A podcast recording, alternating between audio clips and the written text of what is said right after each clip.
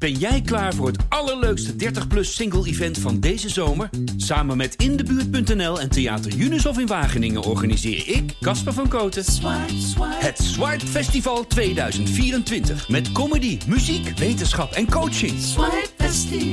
Maar vooral heel veel leuke mensen. Bestel nu je kaart op swipefestival.nl. Swipe, swipe. Welkom bij Onverdoofd, een podcast van het Parool waarin ik, Erik-Jan Harmens, praat met mensen die net als ik eh, korte of langere tijd geleden hebben besloten om zichzelf niet langer te verdoven. Of mensen die daarmee in de weer zijn, mensen die strijden met verdoving of snakken naar bedwelming. Dat kan alle kanten op gaan. Tegenover mij zit Kevin Hassing.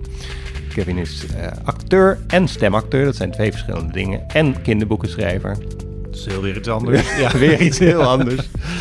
En eh, er is iets met eh, gebruik, met drank. Ja. Eh, en ehm, Ja. ik, ik zag een, een boekrecensie van jouw hand. Dat is helemaal niet, ma- helemaal niet moeilijk om te vinden, want dan google je jouw naam en dan kom je daarop. Oh, je kijkt meteen heel verschrikt. Ik weet al wel gelijk waar je het over hebt. Maar vind ik niet erg. Ja, maar ik ben geen Sherlock, dus gewoon Nee. googelen. Dus je Kevin Hassing en dan kreeg ik op een gegeven moment een boekrecensie. Vrij hoog dus al. En daar staat wel vrij hoog, Ja. maar je weet niet hoe diep ik zoek. Nee, nee. Maar daar stond eh, van jouw hand een zinnetje Mhm. waarin je een boek besprak en je schreef als voormalig alcoholist Ja.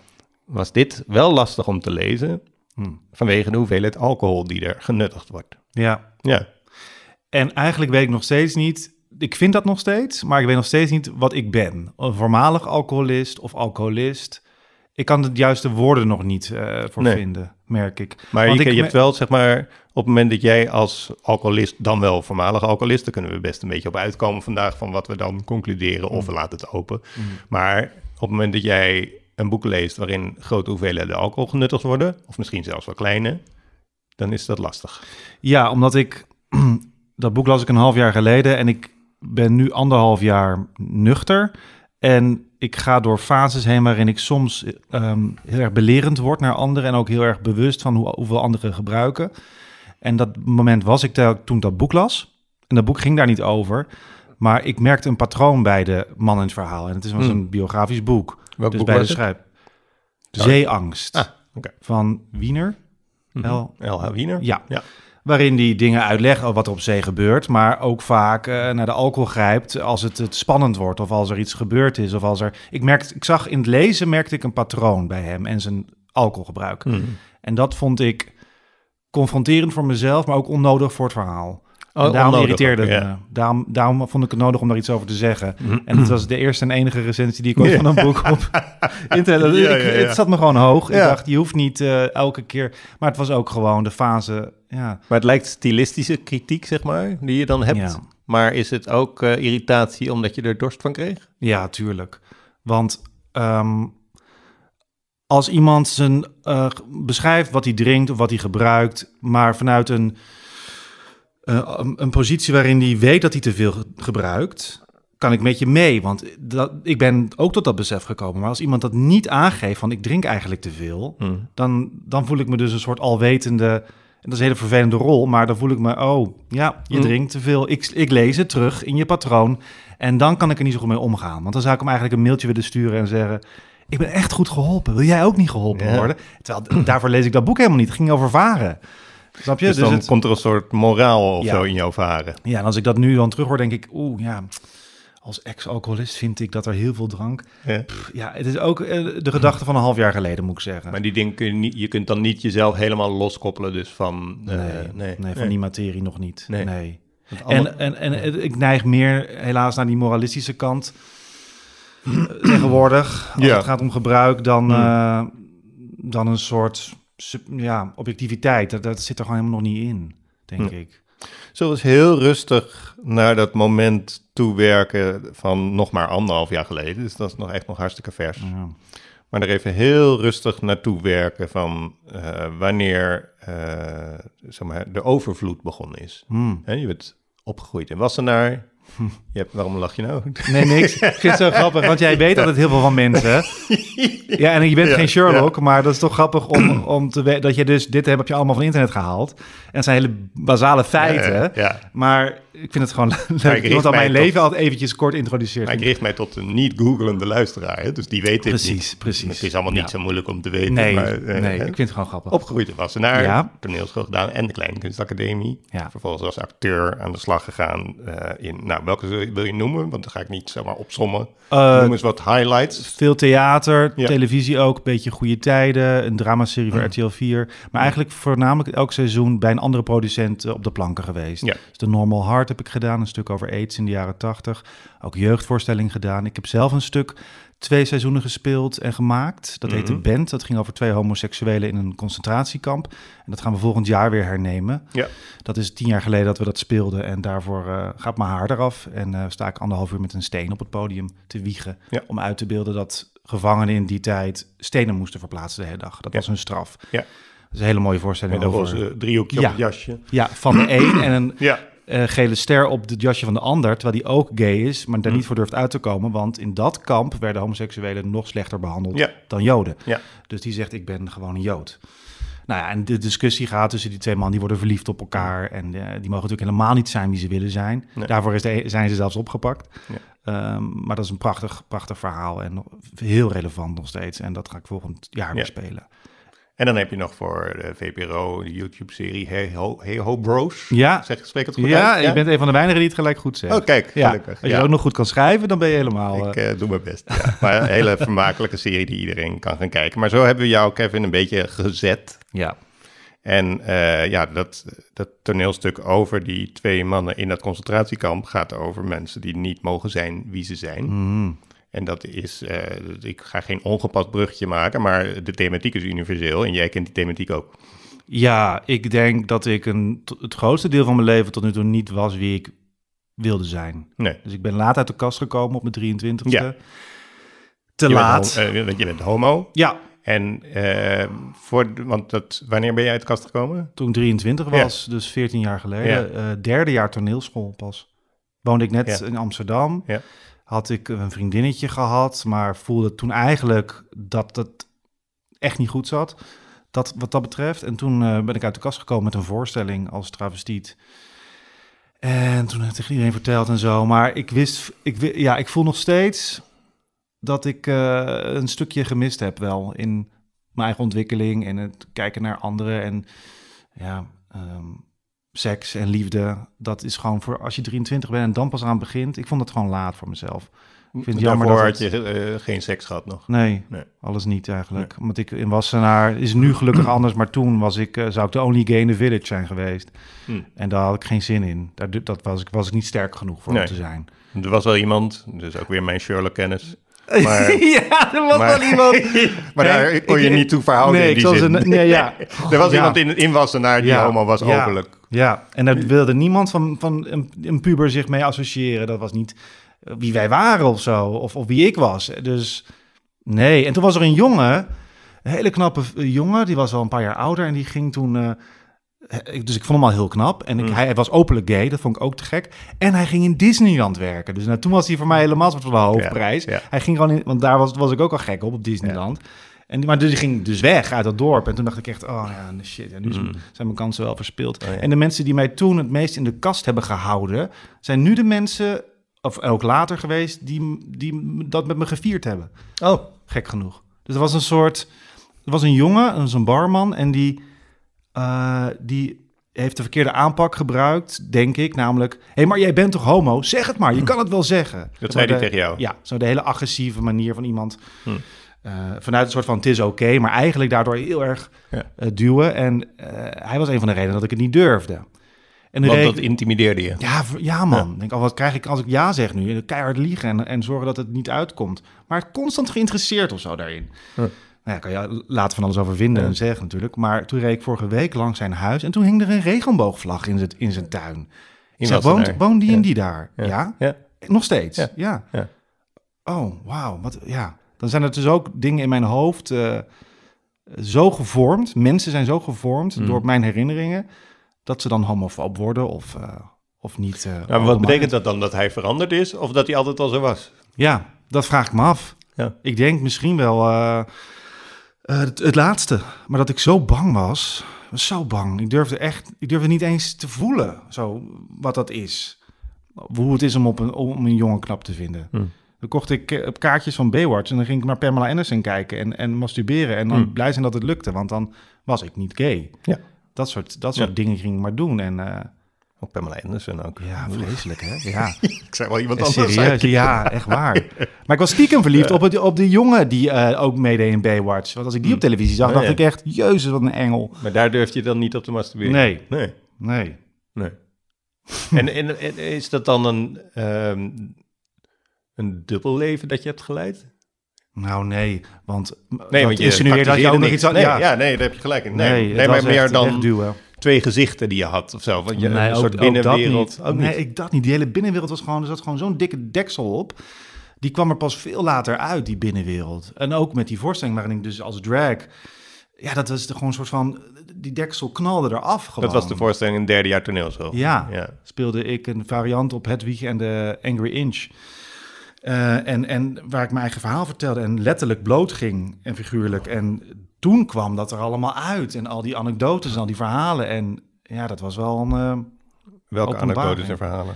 eh, hoe ik, eh, nou dat wat ik net vertelde, met porno, met masturberen omging. Mm. Dat ik nog nooit seks met een man had gehad. Ook toen ik dat voorstelling speelde, had ik dat nog niet gehad. Mhm. Dus wat ik dan in mijn hoofd allemaal voor me zie, wat er zou gaan gebeuren en waar ik bang voor ben. Alles eigenlijk wat je zo dan wil delen als je uit de kast komt en dat gaat vormgeven, zat allemaal eronder. En toen pas, ja, toen pas was ik homoseksueel eigenlijk. Officieel, Ja. omdat je het zei. Ja, maar voor mezelf, ik was als puber niet, voor mijn gevoel helemaal niet homoseksueel, maar ik was het wel. Maar ik was zo erg hetero aan het doen dat ik het ook echt geloofde. En ik werd ook verliefd op vrouwen en zo. Ja. En kreeg ook verkering. Ja, Ja. ja. Maar daar had je dan geen seks mee. Nou, dat probeerde ik. Oh ja, maar dat Maar lukte dan nee, of- nee, dat lukte niet. Nee. Nee. Nee. En eh, dat is natuurlijk wel pijnlijk. Ja. Ehm, zeker voor de ander ook, Nou, eigenlijk. Zeker voor de ander ook en zeker voor jou ook, ja. toch? Voor allebei. Ja, maar ik wist eigenlijk wel waarom het niet lukte. Je wist dat wel. maar dat probeer, probeer ik dus met die twee gezichten toch even erachter te komen. Want je zegt Ja. nee, zeg je dan heel resoluut. Maar, Nou, dan zou je dus insinueren dat het andere gezicht ook er eh, te zien is of te voelen of te, hè, dat Hmm. ik die ervaar. En dat heb ik nooit gevoeld. Ik heb nooit gevoeld, dit ben ik als homoseksueel, die, hè, die, die, die stoppen we weg. En dit ben ik nu gewoon als hetero jongen. Nee, ik wist niet wie die homoseksueel was, waar die op viel, wat hij in bed zou willen. Dat ben ik allemaal achtergekomen na mijn 23ste. Ja. Dus dat gezicht heeft zich pas vormgegeven toen ik uit de kast kwam. Ja. En heb je wel een verklaring voor het feit dat je het zo lang binnen hebt gehouden? Ja, ik denk dat ik gewoon bang was. In Wassenaar was ik bang dat ik de enige zou zijn. Ehm, Dat En- was je gezinssituatie. Ik ben in een heel fijn gezin opgegroeid met twee broertjes en ouders die in principe heel vrijdenkend zijn. Maar het onderwerp homoseksualiteit is nooit ter sprake gekomen. En ook, we kenden niemand die homoseksueel... Het lijkt echt alsof ik 70 ben, maar echt, eh, ik kende ook echt... Wij kenden echt niemand die, eh, met, die dan ter sprake kwam waar je aan kon refereren of zo. ik denk, En- we wassen nou altijd aan hele kasten van huizen. Ja, die dat- zijn er ook, ja. Woonden wij ook- niet in. Nee, Nee, totaal niet. Rijtjeshuis. Oké, Er ja. had ergens Er anders zijn ook gewoon kunnen staan. rijtjeshuizen in Wassenaar. Dus. Er zijn voornamelijk rijtjeshuizen en Ja, één zal wijk, wel, Zuid, waar e- echt gigantische huizen Ja. staan. En er wonen ook hele rijke mensen, maar, de rest is gewoon Ja. een dorp. Ja, gewoon, eh, en in mijn tijd voelde dat als een bekrompen dorp. En ik weet nu, eh, via mijn nichtje, die is nu 18, die woont daar en die heeft een vriendje, die is gay. En dat het echt wel anders is. Hm. Hoorde ik het echt laat. En daar ben ik echt heel blij mee. Ik denk ook echt dat het anders is. Ja. Eh, maar ik moest daar weg en ik moest naar Amsterdam om toneel te studeren. Maar ook gewoon natuurlijk om ja. vrijheid te voelen. Maar die reis naar, of de, de move naar Amsterdam wil ik nog heel even onder de pet houden. Mhm. Ik wil nog even in het dorp blijven. Ja. Het dorp met de rijtjeshuizen. Ja, Waar mijn vooroordeel dus echt helemaal niet klopt. Want ik Nee. dacht alleen maar van die grote kasten. Mm, was het maar zo. Ja, was het maar zo. Ja. Ehm, want je zegt heel duidelijk, ik was bang. Ja. Eh, kan je daar iets meer over vertellen? Van waar was je dan bang voor? Ik was een eh, dikke, schilferige jongen met slechte kleding en weinig eh, zelfvertrouwen daardoor. Ik was wel populair in die zin omdat ik grapjes maakte en eh, creatief was, ben. Dus toneel en imitaties en dat soort dingen kon ik me wel... eh, Wie, wat kon je goed imiteren dan? Vogels? Of, eh, Gert-Jan Dreugen deed Oh, als puber, ja. Als puber al? Ja, Oh. dat is ook gek, hè? Huh? Terwijl hij was toen nog wel op tv, maar ook niet Willy Frequent, dat soort types en zo. Die kon je ook. Ja, die kon ik ook wel, ja, ja. Maar Gert-Jan Dreugen vond ik vooral... Ja, ik weet niet meer. Ik, weet- ik heb hem ook wel een paar keer... Maar goed, in ieder geval, dus met Ja. humor probeerde ik me zo een beetje dan... Dan had ik ook wel vrienden en zo, maar ik was niet knap. Ik voelde me niet knap en ik was Wat, niet... wat bedoelde je met slechte kleding? Nou, Derde handsjes? maar mijn moeder kocht kleding voor mij en mijn broertjes. En dat was dan voor mij een maatje zo. En dan voor Ja. mijn broertje ietsje kleiner en dan weer ietsje kleiner. En eh, we, we werden alle drie ook eh, kaal geschoren elke maand met tondeuzen. Gewoon allemaal kort haar. Dat was gewoon het goedkoopst. Ja, met papa zo. ja, alle drie op een rijtje.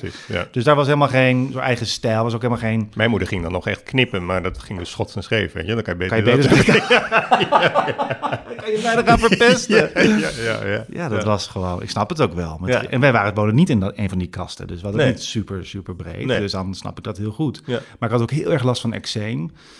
Dus echt over mijn hele lijf, Oh, eh, handen. Ik heb het nog steeds een heel klein beetje zo Hm. als het warm wordt of juist heel koud. Maar toen zat ik echt wel helemaal onder. En dat, ja, als ik daar echt over nadenk, is dat wel een, ja, je buitenkant. Als je buitenkant zo kapot is, kan je bijna niet eh, bij je binnenkant of zo, kan je bijna niet zijn wie je bent. Want je, je voelt niet eens, je voelt niet eens alsof je dicht bent. Het voelt gewoon al een Ja. soort van zo kwetsbaar. Ik durfde geen t-shirt aan in de zomer. Ik durfde niet te gaan zwemmen. Eh, ik had op een gegeven moment ook hier heel erg in mijn nek heel erg uitslag. En dat werden korsten en hier en Ja. op mijn oogleden. Nou, dat ging door en het ging maar door. Dus dat, ja, ik was gewoon onzeker. En bijna psoriasis, zo, zo, achtig. Ja, ik kan dat nooit ja. uitspreken, maar dat Psoriasis. zo'n Ja, dat, ja, dank je. ja, Eh, ja. maar dan echt gewoon eczeem. maar dan eczeem. Ja, Ja, en als kind ja. als babytje was ik na een paar maanden, eh, heb ik me laten vertellen, ook al één grote korst. Oh, ja. Eh, en toen is het wel weer weggetrokken. Bij de meeste kinderen trekt het ook wel weg, ook als ze gaan puberen. Of er is een oorzaak te achterhalen, allergieën of wasmiddel, wat dan ook. Maar Ja. bij mij kwamen ze gewoon niet zo goed achter. Dus Je broertjes een hele- hadden er geen last Nee, van. En werd je ermee gepest? nee. Ik kan me niet herinneren dat ik gepest ben vroeger. Ook moet je heel eerlijk zeggen... kleding en ook niet omdat je te dik was. Uh, nee, ik denk dat ik vooral mezelf kwelde. Maar ik moet wel eerlijk zeggen, ik denk ook dat ik door het drinken ook dat ik mijn geheugen behoorlijk heb aangetast. Ja, dus dat- heel veel lang, heb je dat ook? ja, heel erg. Ja. Heel veel lange termijn dingen zijn gewoon verdwenen. Ik Sommige weet het. details weet ik dan wel weer van de negende of zo. Dus het, het is gewoon... Van die haakmomentjes. Ja, hele korte flitsen weet ik dan wel, maar drinken is funest voor je geheugen. Maar heb je dat, ik, als je mij vraagt wie waren je leraren op de middelbare school, Ja. kan ik er misschien twee noemen. Oh ja, ja. dus die hele middelbare school is ook Ja. helemaal uit mijn... Ja, ja. Ja, precies, ja. Hoe vind je dat? Ja, vind ik niet leuk. Vind ik zonde. Ehm, vind het ook niet leuk hoor. nee. Nee. Het komt ook niet meer terug natuurlijk. Het heeft iets te maken met, het is een heel raar woord wat ik ga gebruiken, maar het heeft iets te maken met waardigheid. Hmm. Voor mij dan. Hmm. Dus dat je, het is waardig, het, is, het, is, het hoort bij je waardigheid dat je je dingen kan herinneren, Hmm. vind ik. Ik, nu, ik voel me altijd toch een beetje een soort oude kerel, dat ik gewoon, dus dan weet ik, weet je wel, weet je, zo in de war. Dus, ja, Ja. ik vind het niet En leuk. ben je ook eh, mooie dingen vergeten? Of Ja, gewoon- zeker, ja. Ja. ja. En dan mensen die me daaraan herinneren. En dan komt het wel weer een beetje binnen en denk ik, oh ja, weet je wel? Heel vaag. Maar het is vooral de herinnering van een ander die bij jou Ja, iets oproept dan. Dus. ja maar er, er, is, er, er gaat gewoon iets kapot Ja. door te drinken. Nou, niet, Ook niet korte iets, termijn? eh, of ook vooral ja, lange? ook wel korte termijn. Maar daar weet je, ja, je weet nooit precies wat dan door drank komt. En wat dan komt ook bijvoorbeeld door een of focus, zeg maar. Mhm. Ik heb heel vaak als iemand zich voorstelt, ik, dan, dan denk ik aan iets anders. Of ik voel die handdruk of zo. Dan, dan hoor ik eigenlijk gewoon, ik ben woezel, woezel, Ja, oké, maar dat heeft iedereen. Dat heeft iedereen. Maar daar is een trucje voor. Gelijk de naam herhalen Oh, ja. zelf. Dat schijnen mensen ook heel prettig te vinden. Ja. Maar dat zijn van die... Ja, Kevin Hassing. Ja. nu, nu wordt het eng. Nu kijk je me heel eng aan. hard Nee, mensen draaien het geluid zachter. Ja, precies. Eh, ja, en we worden ook ouder natuurlijk. En ik denk dat je daar ook je geheugen een beetje mee kwelt. Maar ja, dat drinken, ja. Dat maar denk jij niet dat dat, want we hadden het over dat geheugen, dat slecht, of dat gaten vertoont door het drinken. Eh, Denk je niet dat dat te maken heeft, dat dat een aanslag is op je waardigheid, zeg maar? Zie jij het niet zo zwaar? Ehm, nee, ik denk het niet. Ik vind het gewoon, het is vooral irritant. En nu vraag je mij dingen en ik, ik moet vooral putten uit het hervertellen van verhalen dan uit herinnering. Dat snap ik. Snap je wat ik bedoel? Dus Ja. het is niet meer dat ik, ik zie mezelf wel voor me toen op het schoolplein staan met die vrienden. Gelukkig wel, dat zie ik wel. Dat voel ik wel ook weer een beetje. Maar het is vooral het in leven houden van mijn herinneringen, waardoor ik het nu kan vertellen. Ja. En dat heeft denk ik met drank te maken. Ja. Want wanneer kwam de drank in het spel? Eh, nou, eerlijk gezegd, ik denk pas vijf jaar geleden, vijf, zes jaar geleden. En het kwam al eerder Oh, op- niet in Wassenaar dus. Nee, Oh, oké. Ik ging Dus wel niet uit. met die barman die zei, eh je bent toch homo? Dat, wat, nee, dat, ik dronk dan wel wat, maar ik vond het allemaal niet lekker. En vooral de zoete Oh. dingen. En eh, ik rookte ook pas vanaf mijn zeventiende ging ik roken. Ah. En drinken deed ik gewoon heel lang eigenlijk, recreatief. ja, Oh, weekend, feestjes. En dan kon ik ook wel veel drinken, maar ik heb nooit de relatie gevoeld die ik daarna had. Nooit, nooit. Pas echt een paar jaar geleden. Oké, dus Ja. dan komen we dan, dan komen kom- we dan ja. straks op, want we houden wel die chronologie vast. Oh, maar ja. ik dacht, je hebt vast van die verhalen dat je dan in Wassenaar al... eh, Nee, je hebt hier veel mensen zitten die al vroeg eh, in aanraking komen en een soort erlevenis-ervaring of een soort wow-moment of zo. Ja. Vind ik altijd zo bijzonder, want dat heb ik totaal niet. Nee, maar ook omdat je jezelf toch beschrijft als een angstige jongen. Hmm. eh, met, ja, je beschrijft dat heel poëtisch, met zo'n soort kapotte huid, waardoor je eigenlijk als, een- soort bijna gewond door het leven gaat. Hmm, hmm. En ik denk dan onmiddellijk met mijn, wat, wat, ja, hoe zeg je dat, een klein beetje zieke geest, denk ik van, oh, daar, daar, ga, daar ga je dan heel veel ingieten. ja, maar, maar dat heb je dus niet gedaan. Nee. Had je niet andere escapes ook? Heel veel game of zo? Ehm, Of nam je gewoon alles zoals het was? Ik nam het een beetje zoals het was. Ik denk dat ik wel leefde op ambitie heel lang. Zo, ik wil dit zo graag. Ik wil zo graag toneelspeler worden of acteur. En dat heeft me wel door heel veel dingen gewoon heen getrokken. Maar ik vond geen ontsnapping in dingen. Nee, in andere dingen. Nee. Dat is pas later gekomen. Oké. Ja. En nog steeds weet ik niet of ik mijn, mijn, mijn verslaving onder ontsnapping zou categoriseren. Dat weet ik niet helemaal. Misschien kan jij daar iets meer over zeggen Ja, straks. als je daar komen we straks. Ja, We ben gaan benieuwd hoe heel dat rustig. Ja, Ja. heel rustig naar dat punt toe. Vanuit Wassenaar. Moeten we al naar Amsterdam of wil je nog iets zeggen over Wassenaar? Ehm, nee, dat het een kutdorp is, heb ik al gezegd. nee, dat Eh, heb ik niet. Nee, nee hoor. Eh, Nee, nee, hoor. nee, Ik, ik ging op mijn achttiende eerst een jaar naar Engeland om eh, daar een vooropleiding theater te doen. En dat was wel echt een vlucht. Ik had ook, ik, ik zei ook tegen een vriend, de toenmalige beste vriend, met wie ik nu niet meer spreek, Hm. zei ik, ehm, ik ga naar Engeland, ik ga daar en eh, toen zei hij zoiets van, ja, je kan je problemen wel ontvluchten, maar als je terugkomt zijn ze er nog. En ik weet niet meer welke problemen hij bedoelde of die ik toen daar voor me zag, maar hij had wel gelijk, want ik ging echt even een jaar weg uit dat dorp, weg uit nou, mezelf niet kunnen zijn, denk ik. Want in Engeland heb ik het vervolgens in dronken buien wel aan een paar mensen voor het eerst verteld dat ik eh, homoseksueel was. Ja, maar als ik nu het gesprek voortzet, hebben we, nog, hebben we gewoon een gat. Ja, Dus dat kunnen we niet doen. Want, want je zegt, in Engeland heb ik het mensen wel verteld dat Ja. ik homo was. Maar wanneer kwam dan dat besef? Want daar zeg je Oh ja. over van, nou, dat was er helemaal niet. Snap? Nee. Dus we moeten, Oh ja, we moeten ja. wel dit even goed doen. Nee, precies. Dat, is de, dat gat zit dus ook bij mij. Ja, ja, ja, dat is oké. Ja. Ehm, Maar ik heb het, en dat is ook niet helemaal waar, ik heb het in, in, op mijn middelbare school, dus zo ver in de puberteit, heb ik het tegen twee mensen verteld. Mijn, eh, een vriend via een brief, dat ik twijfelde. Dat ik niet wist, dat ik ook, dat ik ook op jongens viel. Dat was toen eh, mijn conclusie. Oh, ik ja. val ook op jongens. Dat is ook veiliger dan zeggen, ik val niet op meisjes natuurlijk. Ja. Eh, dus dat heb ik toen aan, in een brief geschreven. Waarom in een brief dan? Als soort het niet te zeggen. Durfde het niet te Oké. zeggen. Oh ja, ja, ja, echt, een, oké, echt een ja, geschreven bekentenis in zijn brievenbus gedaan. En ehm, eh, ik weet niet of dit klopt. Misschien hoort hij het en kan hij er iets over vertellen. Hmm. Ik heb hem al lang niet gesproken, Hmm. maar mijn hoofd is hij er niet meer op teruggekomen.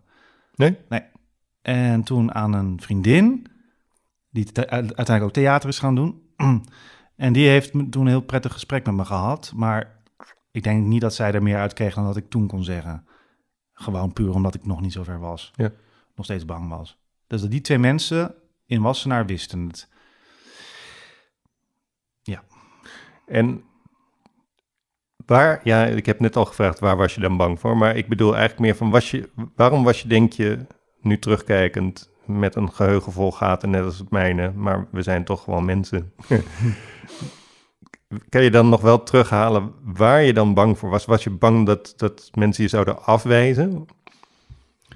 Ik was denk ik niet eens bang voor wat de liefde met me zou doen. Of dat opzoeken. Ik was bang om de mening van anderen, omdat ik anders was.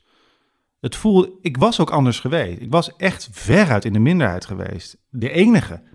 De enige in het dorp. Want je had die andere meneer met- wie niemand zich identificeerde. En je had die jongen die weg was. En er was een jongen in mijn klas die in mijn onderboek wilde kijken bij gymles. Nou ja, dat vond ik ook was wel spannend, maar niet. Ja, nee, voelde ik me ook niet verwant mee.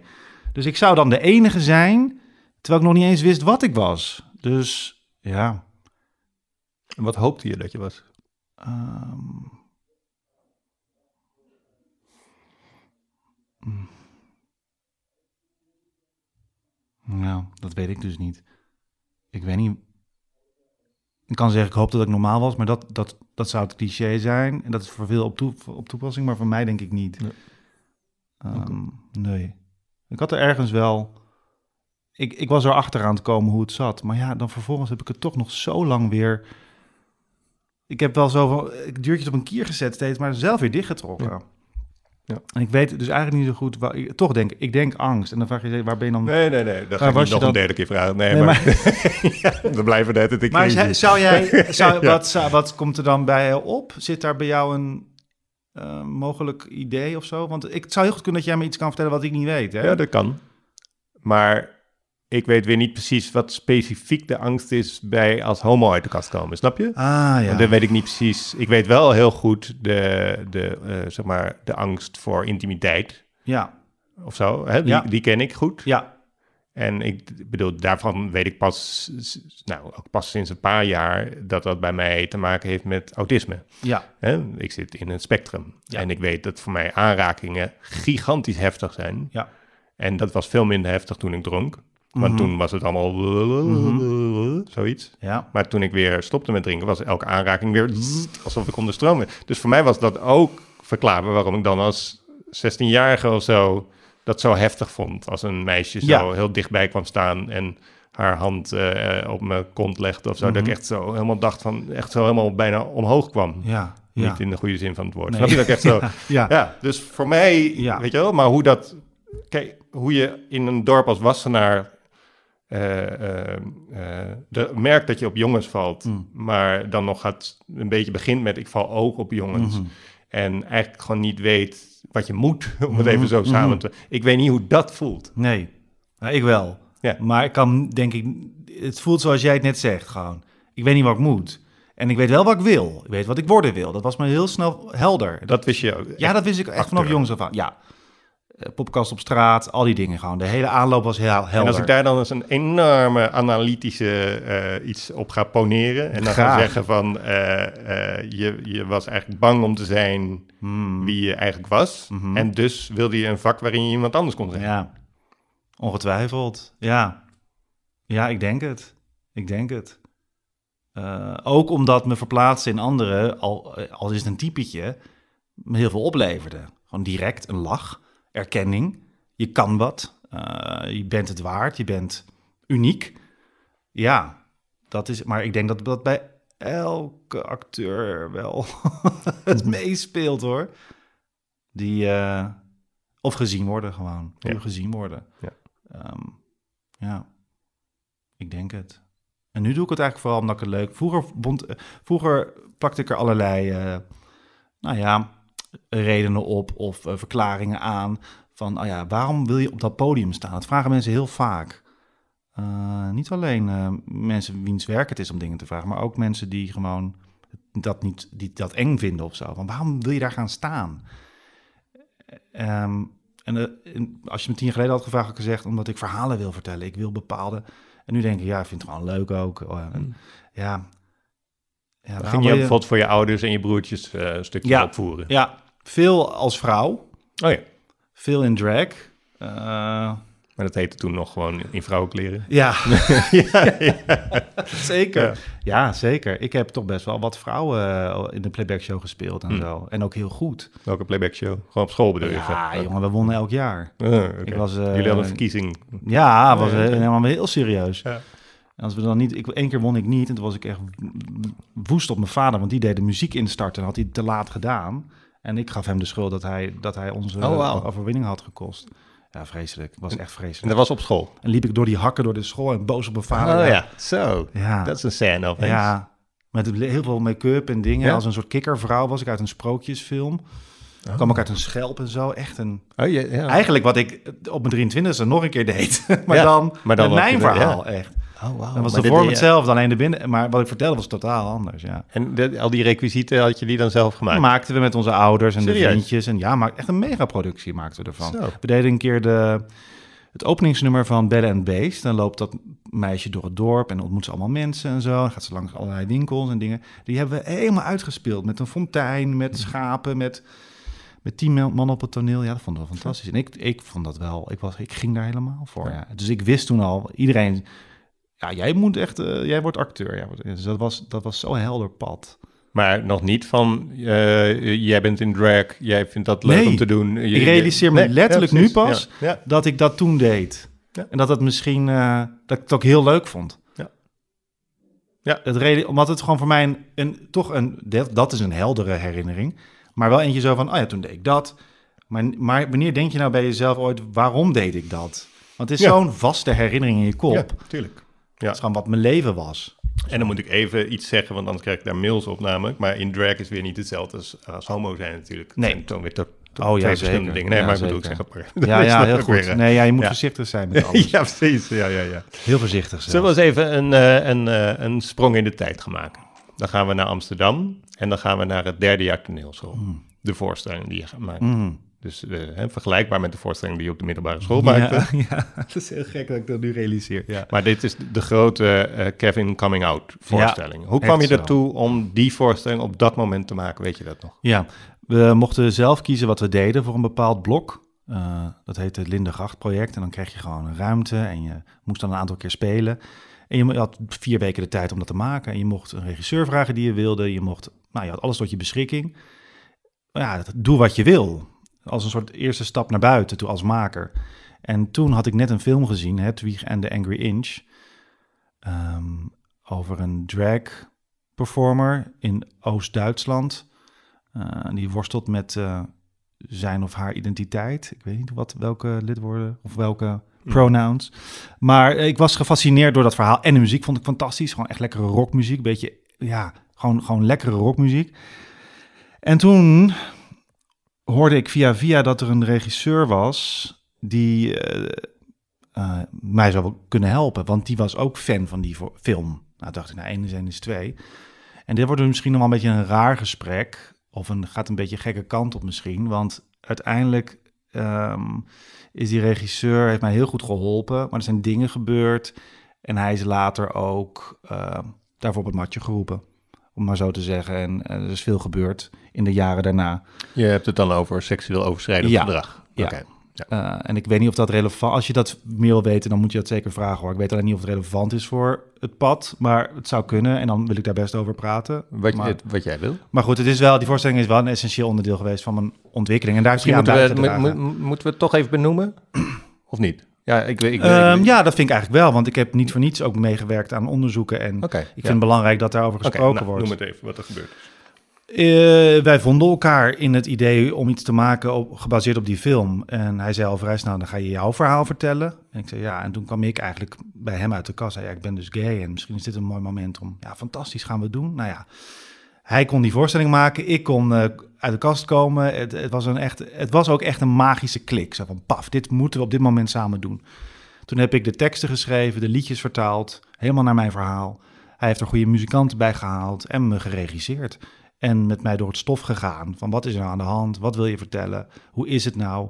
Maar ja, dat was wel precies in het moment dat ik uit de kast kwam. Dus in, tijdens het repeteren heb ik mijn ouders gebeld op een avond. Want ik wist, over een paar weken speel ik het. Nou, ze moeten het natuurlijk ervoor weten. Zo heb ik tijdens het repeteren mensen gebeld, gesproken en gezegd dat ik... eh, Want die voorstelling is niet alleen voor binnen de school. nee, Nee. iedereen mag komen Ja, kijken. Ja. Ehm, dus dat was, het, dat was het hele proces. Dat was gelinkt aan mijn persoonlijke leven Ja. op dat moment. Omdat ik, of ook omdat ik open was en kwetsbaar... en ehm, hem ook wel eh, adoreerde of hem ook hoog had zitten... Kwam er spanning en hij werd verliefd op mij. Ja. Eh, heeft hij ook uitgesproken. Voelde ik niet wederzijds. Heb ik ook uitgesproken. Toen werd het lastiger. Maar op een avond waarop ik heel kwetsbaar was, heeft hij me gezoend. Wat ik niet heb. Het was de eerste man met wie ik zoende in mijn leven. Terwijl ik huilde. Uh, en later heb ik eigenlijk tien jaar lang gedacht, ja, dat heb ik toegestaan. Ik was, ik was erbij en uh, totaal geen verantwoordelijkheid genomen. Of alle, oh, heel veel verantwoordelijkheid genomen, gedeelde verantwoordelijkheid genomen voor wat er toen gebeurde. En wat er daarna gebeurde is eigenlijk vervelender. Die voorstelling is gespeeld. Hij heeft ervoor gezorgd dat het op de parade kwam. Dus ik mocht het echt voor heel veel mensen spelen. ik mocht bij hem op stage in een grote voorstelling, uh, theater in, mijn eerste stageplek. En daar tijdens het repeteren was de klik weg. Hij was gekwetst, denk ik. Ik was onzeker geworden, maar het Hij was niet waardoor? Dat, de afwijzing. Oh ja, oké. Hij voelde misschien nog steeds wel wat voor me, hmm. maar liet dat zeker niet merken. Hij liet het juist merken door me anders te behandelen dan de rest. Ze speelden met vijf acteurs een voorstelling, Romeo en Julia. Dus ja, dan kan je, iedereen moet van alles spelen de hele tijd. En ik kreeg de kutrolletjes. Oh, als een soort revenge. Ja. Hm. Uh, zo voelde dat. Dan werd ik heel ongelukkig en het was een heel vervelend proces. En met af en toe een dronken openbaring, dat die dan opeens juist heel erg toenadering zocht bij mij. Maar ook best wel manipulatief. Ja, ja. Ehm, en ik heb eigenlijk daarna nooit meer met hem gewerkt, maar ook bijna niet gezien. Af en toe nog wel eens aangesproken op zijn gedrag als ik dronken was en dacht ik wil dat uit de lucht helpen. Uh, en dan kreeg ik te horen, jij was nog niet klaar voor mijn liefde. Dat was als wie dronken was? Als jij dronken was? Wij. hij dronken Als jullie beiden Ja. Ik dacht, nou, nu kunnen we het erover hebben na een nou, première of zo. Oh, ja, ja, ja in de kroeg. Oké, ik ga naar hem toe. Zei, zullen we het nou uitpraten wat, er, ah. wat er gebeurd is? Zullen we het erover hebben? Zullen en was hij dronken en jij dronken? Ja, en dan ging ik, oké, let's go. Weet je wel, wat, is, wat voel je? Wat, wat, hè? En kunnen we misschien eh, normaler verder of zo? En dan kreeg ik het argument, je was niet klaar voor mijn liefde. En uh, dat heb ik twee keer geprobeerd of zo. En toen kwam ik er dus niet lang geleden achter, via krantenberichten, onderzoeken, mhm. via via, dat het wat er met mij gebeurd was, vaker is gebeurd met hem en dat het een patroon was. En toen ging ik pas nadenken over mijn rol daarin en hoe ik mezelf toen zag. En toen kwam ik erachter dat er niet een gedeelde verantwoordelijkheid is in die verhouding. Want hij begeleidt mij. Ja, hij zit in het werkveld. ongelijkheid. Ja, ja volledig. Ehm, dus dat is nog één ding om je te realiseren. Maar toen ik hoorde dat er nog zoveel andere gevallen waren, die nog veel kwalijker werden en, en ehm, schadelijker, toen heb ik besloten mee te doen aan een onderzoek en mijn verhaal te vertellen aan een uh, commissie. En daar is gelukkig naar geluisterd. En er zijn ook uh, consequenties aan verbonden. Maar in die fase van mijn leven was hij dus en heel belangrijk, maar ja, niet alleen op een goede manier. En ja. En slaag je er nu in om die enorme verantwoordelijkheid die jij daarvoor steeds hebt genomen, om die uh, niet meer te nemen? Ja, maar dat komt echt omdat ik gesprek heb gehad, ook met uh, de mensen die het verhaal aanhoorden en die me daarop wezen. En zeiden, ja, maar dit is niet jou. Hè? Ja, maar ik was erbij en ik had ook gewoon naar huis kunnen gaan. Al die argumenten, ja. Um, maar dat is tien, heeft tien jaar... En als ik dat onderzoek dan was niet was geweest, had ik dat nog steeds gedacht. Ja. Het was er echt voor nodig om te realiseren. Ah, wacht eens even. Ja. Ik was zo kwetsbaar, zo kwetsbaar.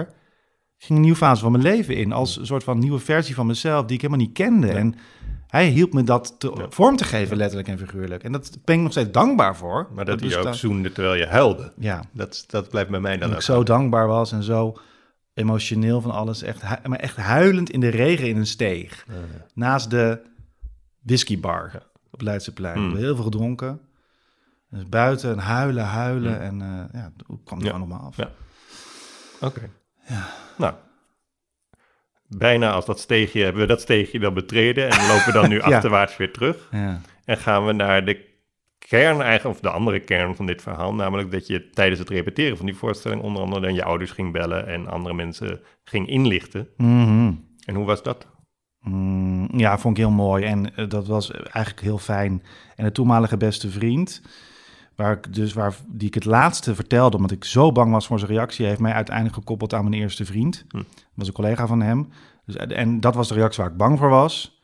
En de rest was allemaal super fijn en liefdevol. Mijn ouders, uh, uh, ja, daar kan ik eigenlijk niet. Uh, die hadden ook een. Mijn moeder had een briefje geschreven wat ze me gaf na die eerste voorstelling als, als, als drag. En dat briefje vond ik laatst weer. Ja, dat kan ik niet meer droog lezen. Gewoon. Dat is de kern van hoe zij erin staan, is alleen maar liefde en alleen maar acceptatie. En dus dat was eigenlijk super mooi. En daarom spreek ik nog steeds een beetje zo dat ik denk, ah ja, ik had het echt eerder kunnen doen. Het had echt Ja. gekund. Want ik heb tot nu toe ook niks over je ouders bijvoorbeeld gehoord of over je broers, waarvan ik denk van, eh, dat had je dus wel kunnen vertellen. Ja, ik had het wel kunnen Je had het vertellen. gewoon wel kunnen ja, vertellen. sowieso. Ja, sowieso. Dus, en was dat, gewoon- dat wist ik ook wel. Ik denk dat ik niet bang was voor hun reactie, maar vooral toch voor de, voor de andere kring of zo.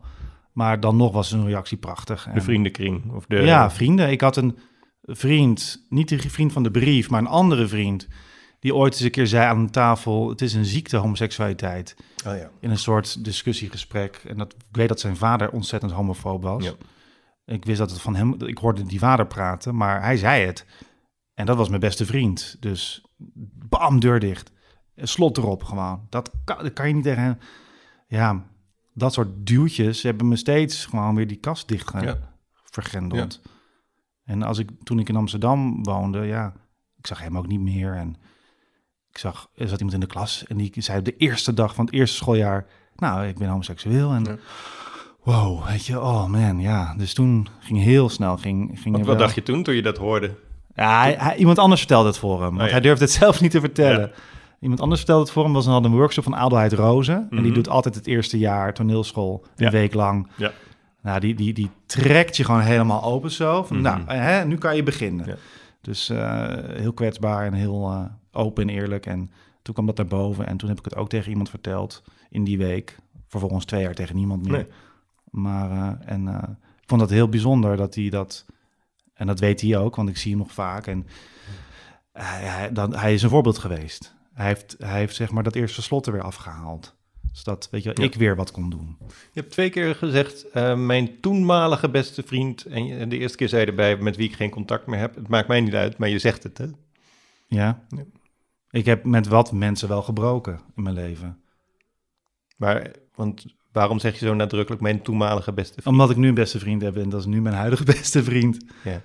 En ik heb twee vrienden gehad, die, eh, die voelden echt als beste vrienden toen ik opgroeide. En allebei, is, die, allebei zie ik niet meer. De een omdat het doodgebloed is en de Ja. ander omdat ik, omdat ik hem niet meer vertrouwde. En ik heb later ook nog een vriend gehad met wie het helemaal ge- ge- misgegaan is. Ja, ik ben heel, daar kom ik nu achter, misschien herken je dat, maar sinds ik niet meer drink, eh, ben veel bozer. Ik ga het conflict aan, niet meer uit de weg. Komt ook omdat ik antidepressiva slik, dus ik ben gewoon niet zo bang meer voor niks.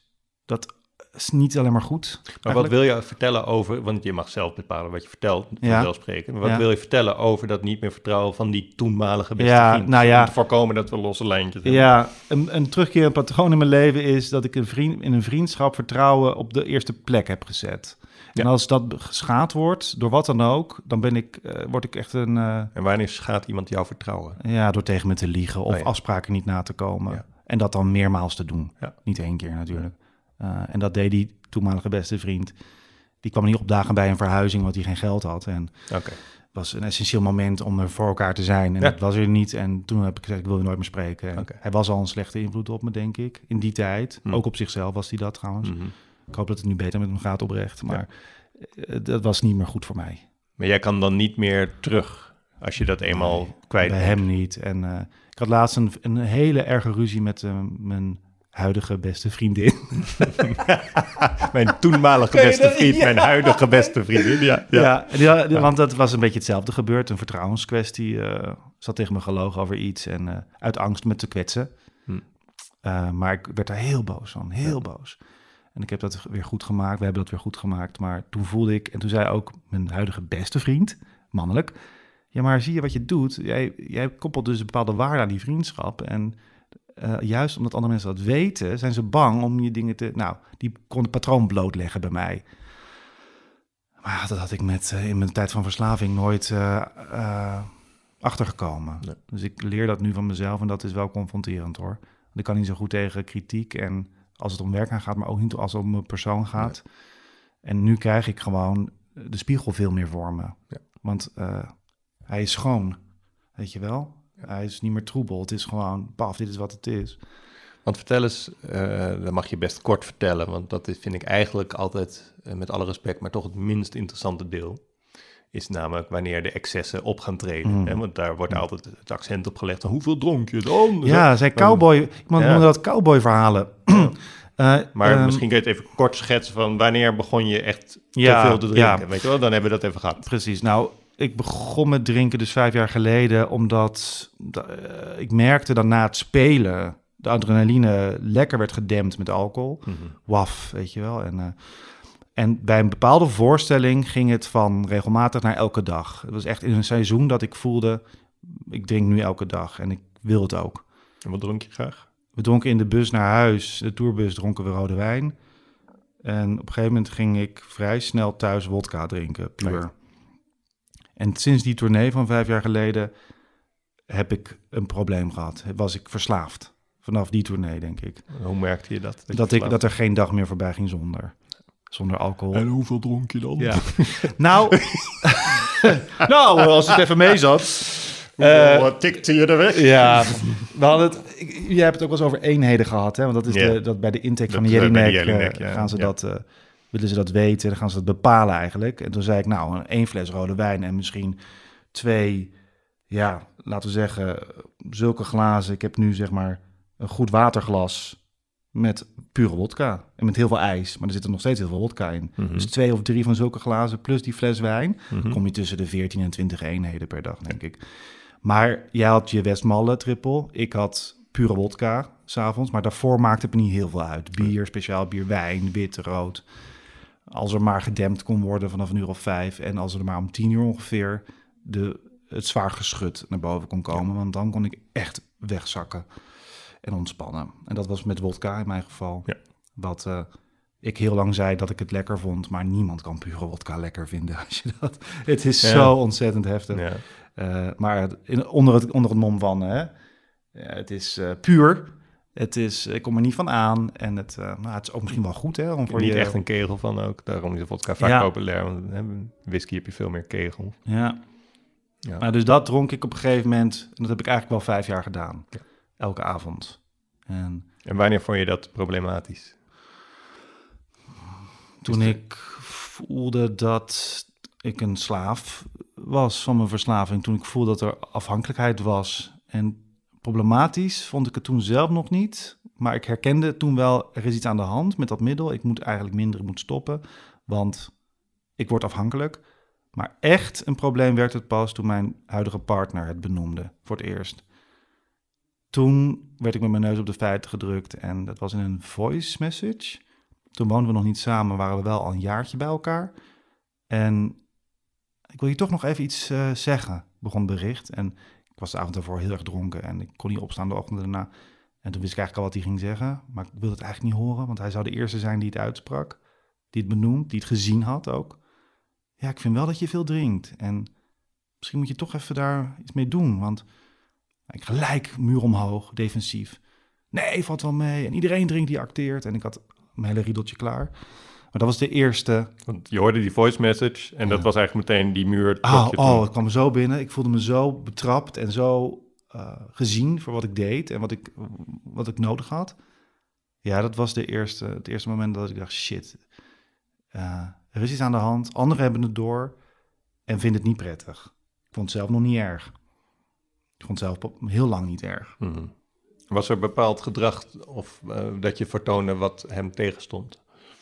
Ja, hij vond vooral de wazige blik in mijn ogen, het er niet echt meer zijn s'avonds. Heel onprettig. Hij dronk zelf in het begin van onze relatie met mij mee. Wijn en dingen, vond hij gewoon gezellig. Terwijl hij het eigenlijk niet lekker vond. Daar is hij mee gestopt. En toen zag hij pas hoeveel ik dronk, want ik ging door natuurlijk. Uh, dus hij voelde dan ook in de loop van de avond een verandering in concentratie. En of ik ging juist heel veel praten. Um, hij maakte zich daar wel zorgen om, ja. Godzijdank dat hij dat ging doen. Anders was ik nooit gestopt. Maar je zegt, ik trok een muur op toen je die voice message hoorde. Ja. Hoe lang heb je die muur uh, omhoog ja, gehouden? Twee jaar, ja. denk ik. Ja. Terwijl je wel gewoon een relatie met hem hield. Ja. Dus hij bleef van je houden, ondanks dat hij dit constateerde. Ja. En hoe zijn die twee jaar verlopen dan? Want dit, deze olifant stond wel de in de kamer dan. Nou ja, hij, hij, uh, hij heeft meerdere malen aangegeven, niet vaak, maar op een paar cruciale momenten, dat hij eh, zich zorgen om me maakte. Omdat ik dronk.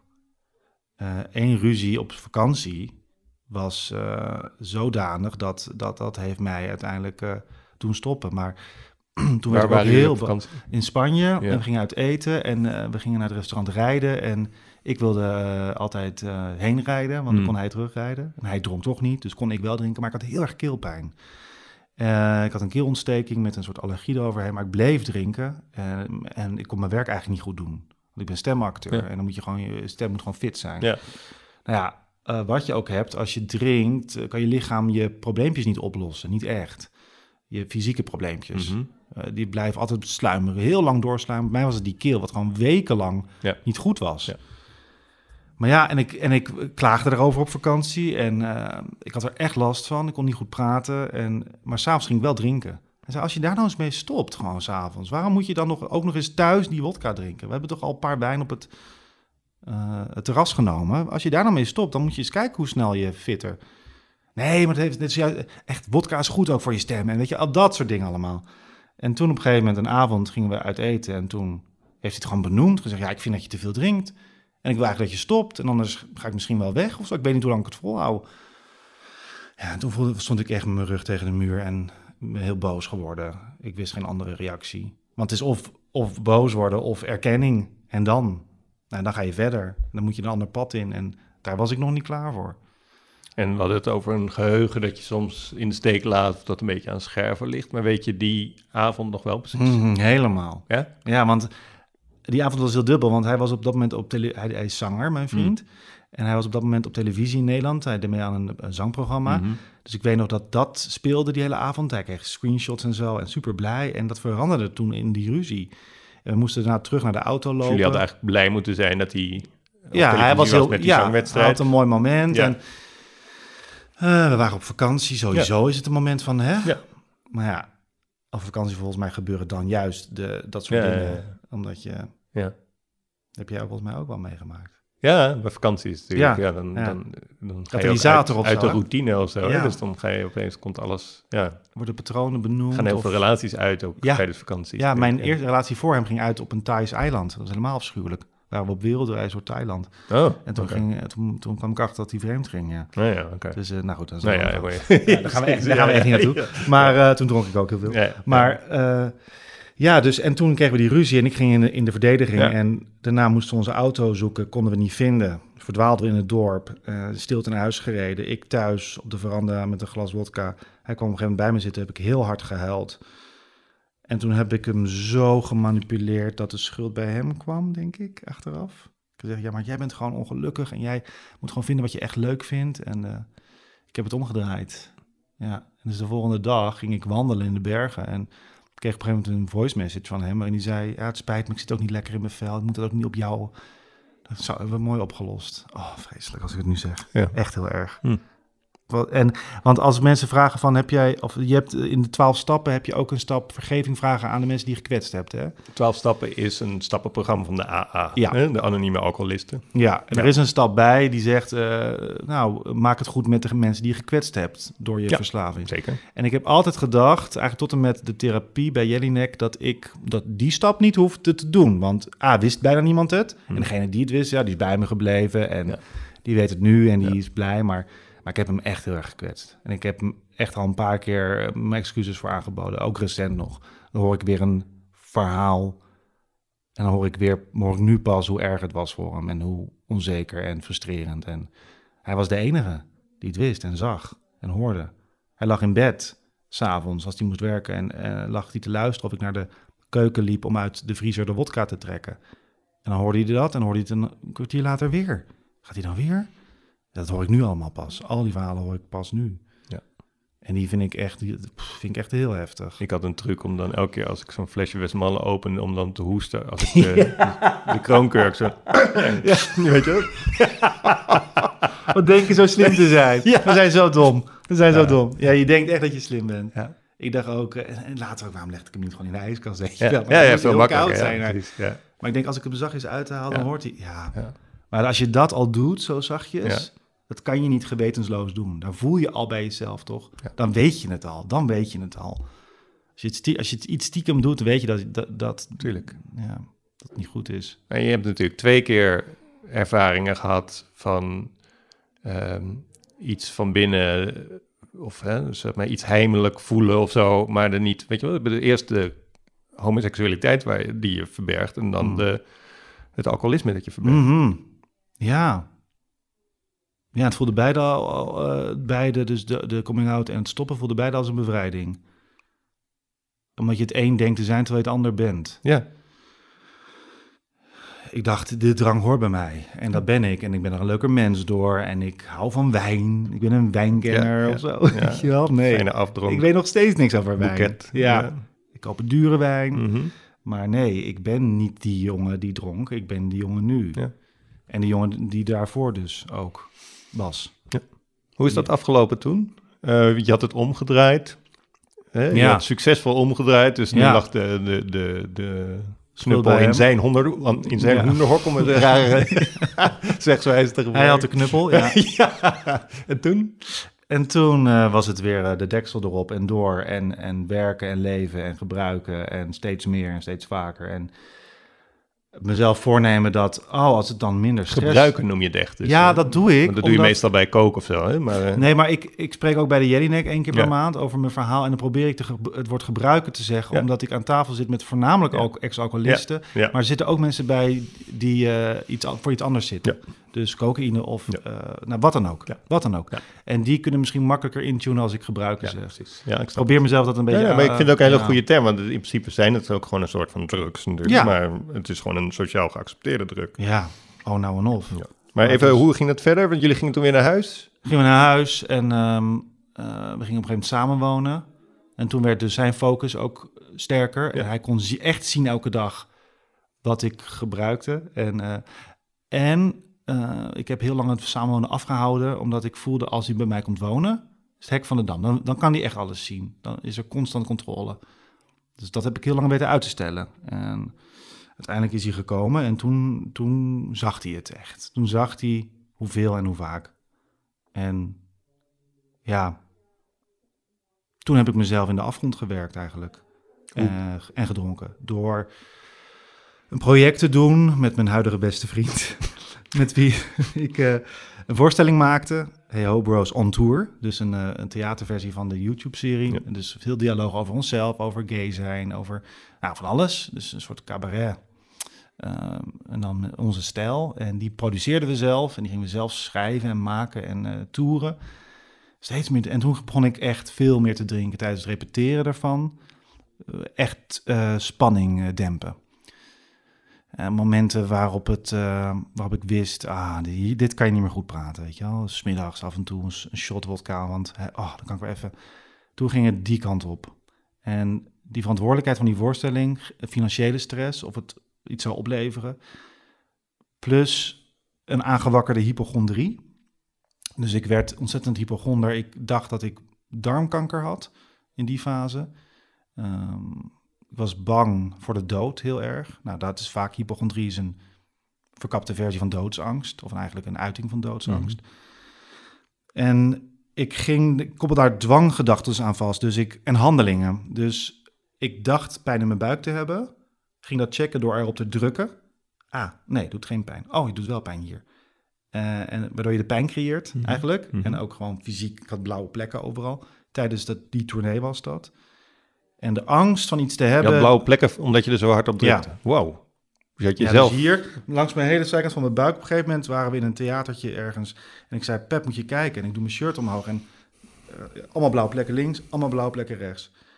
En net voor, dat eten, net voor die voorstelling in die kleedkamer gingen we uit eten, weet ik nog. En toen was ik zo aan het duwen in mijn zij.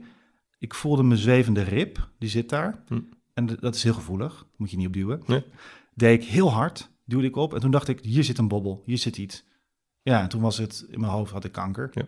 En ook gewoon terminaal. Dus het gaat gelijk dan Ja, naar 100. tuurlijk, ja. Dus ik leefde overdag met die stress en die hypochondrie. En die kon ik s'avonds dan op maar één manier eh, eh, dempen. En dat was door, eh, door die wodka. Dus toen begon het een spiraal naar beneden met te hard werken, te veel stress.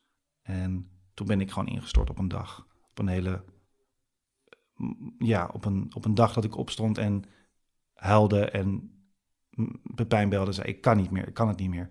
Ik kan niet meer spelen, ik kan niet meer, ik kan, ik, kan, ik, kan het niet meer. En huilen, huilen, huilen, huilen. En toen was ik vreselijk opgelucht. We waren nog aan toeren, dus opeens moest de stekker uit de tournee. Wat, omdat het zelf produceren echt een nachtmerriescenario is. Maar goed, het was wat het was. En toen ben ik naar de keuken gelopen. En toen heb ik gepakt wat er was. En dat was limoncello. En dat heb ik toen uit de fles leeg gedronken. Toen ben ik op bed gaan liggen. De zon scheen. Ik liet gewoon de warmte op, op mijn gezicht. En uh, was gewoon opgelucht. Ik dacht dat je zou gaan zeggen, toen heb ik die fles in de afvoer leeggegoten. Maar nee, je hebt hem gewoon opgedronken. Ja, ik heb hem opgedronken. Dat was niet het moment dat ik stopte met drinken. Het was het moment dat ik stopte met werken. Ja. En uh, een paar dagen later ging ik naar de huisarts uh, met mijn beste vriendin. En die hielde mee. En toen was duidelijk dat ik uh, een angststoornis had. En toen zeiden ik ga je antidepressiva voorschrijven. Voor nu. Ik zei, dat is goed, doe maar. Gekregen, en dat ging ik gelijk opbouwen. Dat duurt een week of zes, a acht, afhankelijk van hoe je lichaam reageert en je hoofd. Maar ik bleef daarbij drinken een week. En dat heb je al vaker gehoord hier. Dat kan niet. Mm -hmm. Dat moet je niet doen. Dat uh, voor allebei niet goed. En toen, uh, maar dat bleef ik een week doen. Totdat ik op een middag, uh, ik was dus al een week overspannen thuis. Op een middag was mijn vriend aan het werk. En ik had in die week alleen maar dingen gedronken die in huis waren. Ik had het niet gehaald. Dat wist ik wel dat ik dat niet moest doen. Maar dan ging ik toch nog even een goor likeurtje drinken. Wat ergens nog in een. Ik heb echt hele vieze dingen gedronken toen. Macaron likeur heb ik gedronken. Uh, maar het maakte natuurlijk helemaal niet uit. En toen dacht ik om vier uur op vrijdag, oh, wodka. Heb ik al even een week niet gehad, daar heb ik echt zin in. Toen ben ik naar de Gal en Gal gegaan, fles van mijn lievelingswodka gekocht. En toen gaan koken voor mijn vriend die om zeven uur thuis zou komen. Toen heb ik tijdens het koken wodka gedronken. En op een gegeven moment om acht uur s'avonds het eten op tafel gezet. En toen is er iets gebeurd. En ik, ik weet dat ik begon met, ik moet je iets vertellen. Oh, zei mijn vriend. Later zei hij, ik dacht dat je het ging uitmaken. Maar ik moet geholpen worden. Ik moet opgenomen worden. Ik moet naar een kliniek. Want ik drink te veel. En toen ben ik gaan huilen. En in dat huilen heb ik dingen geroepen die ik niet meer weet. Hij heeft toen die vriendin gebeld en gezegd: Dit gaat niet goed hier. Wat moet ik doen? Toen zei ze: Nou, uh, wil je naar de huisartsenpost? Zijn vriend: Nou, volgens mij hoeft dat niet. Maar het gaat echt niet goed. Toen heb ik gehuild, gehuild, gehuild. En toen was gewoon, uh, toen was het eerste keer dat ik zei dat ik een probleem had. En, Heeft je vriend later nog gezegd, gezegd wat je dan hebt gezegd? Ja, oh, ja. ik heb gezegd, uh, jij verdient niet iemand zoals ik. Je moet bij me weg. Okay. Um, rock bottom. Echt de definitie van rock bottom was het voor mij. En ja, toen, maar wel ja. een rock bottom die zich manifesteert door huilen. Terwijl ja. uh, ik ken ook wel mensen die gewoon helemaal niks voelen. Oh. Op zo'n moment. Gewoon helemaal blank Ik liep over. Ja, jij loopt dan juist het over. liep helemaal ja, over. Ja, maar dat is, dat is gewoon een, een Ja. iedereen heeft zijn manier. Maar ik ken mensen die gewoon totaal emotieloos waren op het moment dat ze besloten ik stop met drinken. Snap je? Maar haalden ze het dan uit ratio in plaats van gevoel? Ik denk dat het gevoel op was of dat ze er echt niet meer bij konden. Dat ze het gewoon Oh, kapot hebben zo gezogen, snap je? Ja.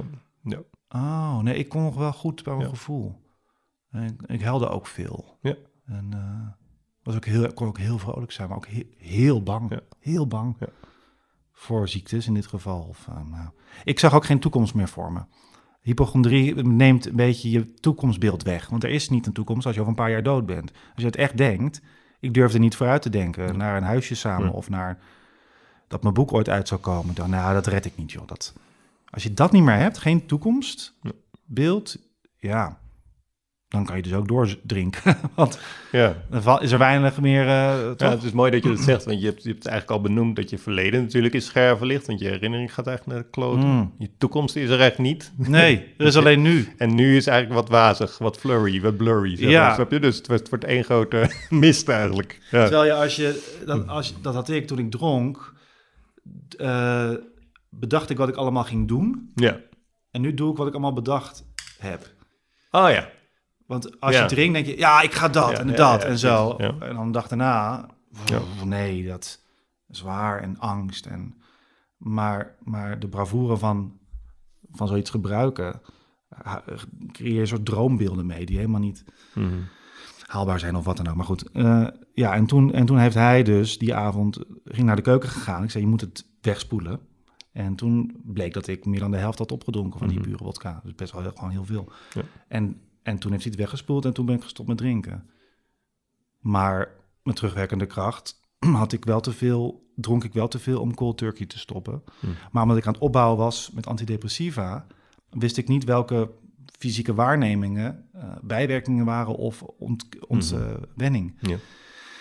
Dus de, de Jelinek wilde op een gegeven moment weten, maar wat voel je nou van het stoppen? Ik zeg, ja, ik voel van alles. En de psychiater wilde weten, wat voel je nou van die pillen? Ik zeg, ja, het loopt langs elkaar. Ik, Ja. ik weet het eigenlijk nog steeds niet. Nee.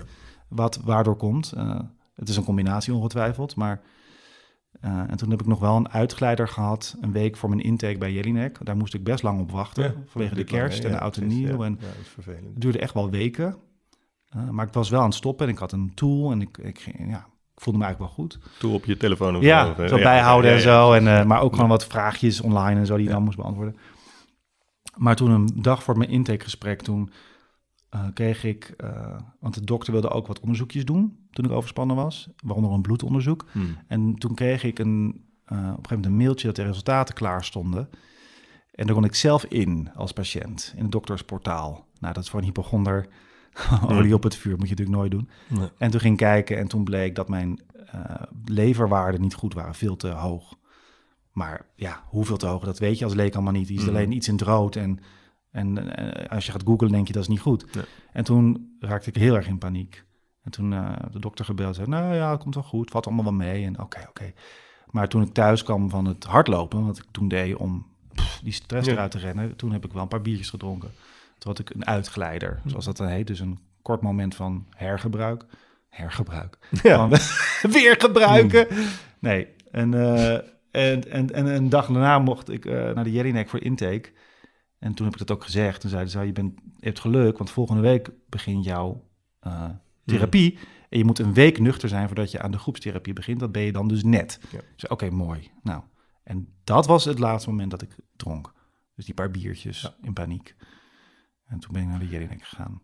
Kan je, eh, ehm, want dat is anderhalf jaar geleden. Ja, En ja, dat, eh, dat zal allemaal met eh goede dagen en minder goede dagen gepaard zijn gegaan, hè, zoals dat gaat. Maar kan je aan het slot van dit gesprek, Kevin, iets zeggen over, kan je het gevoel vergelijken van deze coming out eigenlijk hm.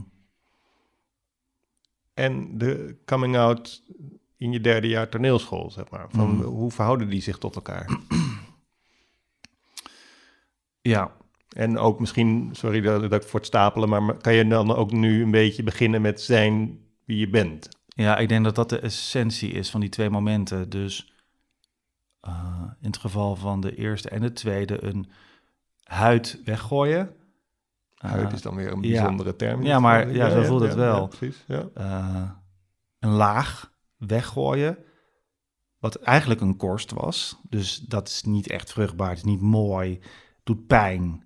En het eh, laat niet zien wie je bent. Om vervolgens daar een huid onder te krijgen. Die, mijn huid is heel dun. Hier. Je strijkt ook langs je huid op dit Ja, moment. deze ja, is ja. het dunst. Mhm. Want hier heb ik heel veel eczeem gehad. In mijn, elleboog, zeg maar. Het Ja. scharnier. Eh, en het voelt ook alsof mijn huid nu dun is. Hm. Dus dingen komen hard binnen. Ehm, ik moet naar mezelf kijken opnieuw. Wie ben ik? Wat vind ik? En ga ik niet te ver in sommige principes? Mensen moeten me terugfluiten, soms nu, omdat ik te boos ben of eh, te veel op mijn strepen ga staan. Eh, dus ik, eh, ik heb een dunne huid nu. En dat had ik toen ook, toen ik uit de kast kwam. En toen had ik er nog een jurkje en een panty overheen. Nu denk ik dat mijn huid ook sterker wordt door het gebruik van antidepressiva. Ik denk dat me dat heel erg helpt om niet geprikt te kunnen worden. Echt dat het er doorheen gaat. Maar ik vind dat wel prettig. Het voelt wel als een, als een soort hulpmiddel. Het is gewoon voor mij, dat is voor mij, ik, dat wilde ik nog wel tegen jou zeggen.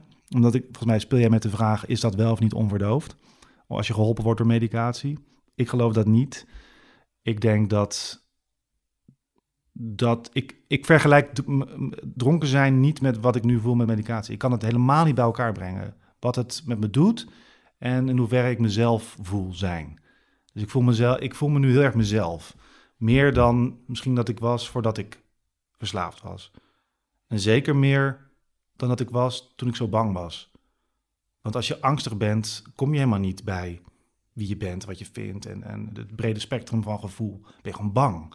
En ik ben nu niet meer bang en dat geeft zoveel ruimte aan. In dit geval nu heel veel agressie. Ja. En ik hoop dat dat nog wel wat minder wordt. Ja. Maar misschien niet. En dan moet ik daarmee leren omgaan. Maar ik ben gewoon bevrijd. Voel me gewoon bevrijd. Ik vind verslaving echt een heel goed woord. Echt dat je de slaaf van, van iets bent. Toen was ik het misschien van eh, het algemeen beeld van hoe je als mens moet zijn. En een paar jaar geleden was ik dat nog van, eh, van een middel, een slaaf. En nu, ja, nu allebei niet, hopelijk. Kan ik in allebei zijn wie ik ben. ja. Dat is wel moeilijker. En ik vind het wel mooi dat je zegt, ik voel me bevrijd. Mm. Ehm, maar ben je dan ook vrij? Ehm, vrijer, wel. Ja. Of ik echt vrij ben? Ik, durf, ik, ja, ik wil zeggen van wel, maar ben jij dat? Ben jij, voel jij je vrij? Nee. Heeft het je wel geholpen om vrijer te zijn? Ja, ik word wel vrijer, ja. Maar het is, eh, ik zou te streng voor mezelf zijn als ik nu zou roepen dat ik vrij ben. Snap je? Want dan ga Mm. ik dus nu succes claimen, Mhm, mhm. wat ik eigenlijk gewoon nog helemaal niet aan kan, Nee. omdat ik gewoon nog te kwetsbaar ben. Ja. Eh, want in principe is het leven voor mij ook wel een, best wel regelmatig een soort van beproeving. Ja. Gewoon omdat er zoveel wordt verwacht van je. En weet je wel, eh, en bovendien verwacht je heel veel nog van jezelf ook. Dus, dus Mhm. vaak ben je zelf natuurlijk je grootste gezelaar, als dat, Ja. als dat Nederlands is. Dat is geen Nederlands, maar je snapt wat ik bedoel. mhm. Dus ik vind het wel eigenlijk meer een soort cadeau voor mezelf om dat succes niet te veel te claimen. Want dan Mhm. leg ik niet zo'n druk weer op mezelf, Mhm. zoals ik zo vaak heb gedaan. Ja, precies. En Ik het wil is een ook beetje in de luwte nog. Ja, Weet je wel, gewoon dat ik gewoon, ik, ik drink dan acht jaar niet meer. Eh, en soms verlang ik ernaar, soms naar de drank en soms gewoon naar de bedwelming. Ja. Dat zijn toch wel twee verschillende dingen. ja. Maar, en ik geloof ook wel dat ik, want ik had dan ook nog een coming out, eh, een coming out autisme out, zeg maar, Ja, weet ja, wel, ja. twee jaar geleden. Waar hele mooie reacties op kwamen en wat ook wel milder stemde. Ik dacht, oké, nu hoef ik ook niet meer naar die kut verjaardagsfeestjes bijvoorbeeld. In de tuin of binnen. Ja, precies. Ja, dat hele, ja, allebei, ja, dat vond ik zo mooi. is een tuinfeest. Ja, waar zijn de mensen? Dat wist je dan Dus niet. dat is allemaal fijn. Ja, En in liefde snap ik dat ik heel snel kwetsbaar voel in liefde. En kan ik dus eh, geliefde, een geliefde bij me vinden uiteindelijk. Of die komt naar me toe of zo. Die dat ook snapt, snap je? Mm. Dus dat zijn allemaal li- liefdevolle dingen naar Ja. mezelf toe. Of zo. Ja. Maar ik, zou, ik, wil, ik wil niet te euforisch zijn. nee. Gewoon dat ik, omdat ik daar heel bang van word dan. Want dan ben, dan ben ik bang dat ik het kwijtraak. Dan ligt de lat weer hoog. Ja, dan ligt de lat hoog, maar bovendien claim ik iets waarvan, wat ik kan verliezen. Ja. Als ik zeg, ik ben nu vrij, dan kan ik dat weer verliezen. Dan kan Mhm. ik weer onvrij worden. Mhm. En daarom zeg ik maar liever... Maar ik voel me, nee, ik voel me dan ook niet vrij. Want ik ben ook, het moment dat je je vrij voelt en het gevoel krijgt dat, ehm, dat het alles allemaal goed is. Dat is wat ik zie bij, nu bij mensen die wat verder zijn eh, na gebruik. Is dat de hoogmoed toch voor de val komt. En ik doe dit bij jou en ik ga naar de Jelinek omdat ik eh, volgens mij de rest van mijn leven moet realiseren dat ik zo vrij ooit helemaal niet was. Dus dat ligt, dat moet niet, dat is niet opeens zo. Ik kan er goed mee omgaan. We zijn blijkbaar toch sterk genoeg om dat, nou ja, soms dat gevecht te winnen of om dit vol te houden. Dus zijn we dan vrij? Nee, denk het niet. Ik weet niet of we dat ooit gaan zijn. Ik weet ook niet of dat erg is. Want het is ook mooi om te blijven werken voor iets. En dan onze relatie met dat alcohol, daar moeten we voor blijven werken. Gek genoeg. mhm. Maar dat is ook wel, kunnen we wel iets aan doen. In ieder geval, doen iets. Het is actief. Ja.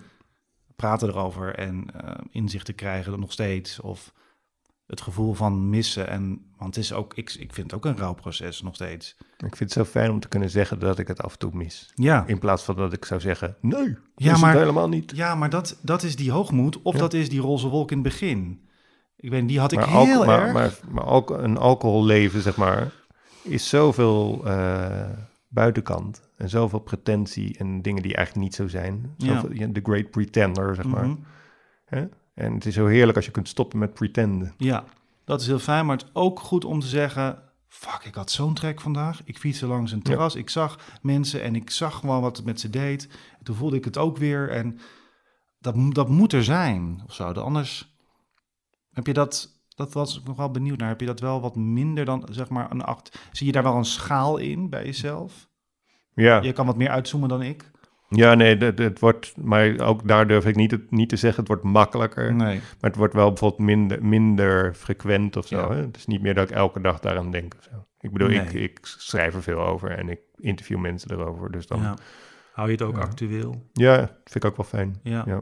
Is dit jouw groep, jouw praatgroep? Ja, misschien, ja. Want ik kreeg bij de Jelinek echt meteen individuele therapie. Niet ja, zoals jij je. groepstherapie. Ja, ja. Maar eh, misschien, ja, het is ook wel een beetje mijn, ehm, ja, dat geheugen is natuurlijk een beetje kapot, weet je wel. Mhm. De- Ik, ik, ik kan niet zeggen dat ik jou dan gebruik om dat geheugen leven te maken, maar ik vind het wel een soort veiligheid. Ik voel me wel, nou ja, ik bedoel, ik voel me niet 100% vrij, maar ik voel me wel redelijk veilig. Mm, Ook nu, in dit Mm. gesprek met jou vandaag. mm. En dat is voor mij al heel wat, dat ik me veilig Ja? voel. Ja. Ja.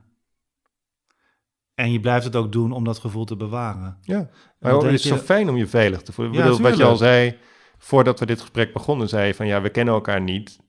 Maar je voelt toch als een soort vriend, omdat ik die, die andere afleveringen van deze podcast heb beluisterd. Ja. Maar ik heb wel nu na vijf kwartier praten met jou, dat ik me veilig bij je voel. Ja. En dat vind ik een heel fijn gevoel. Ja.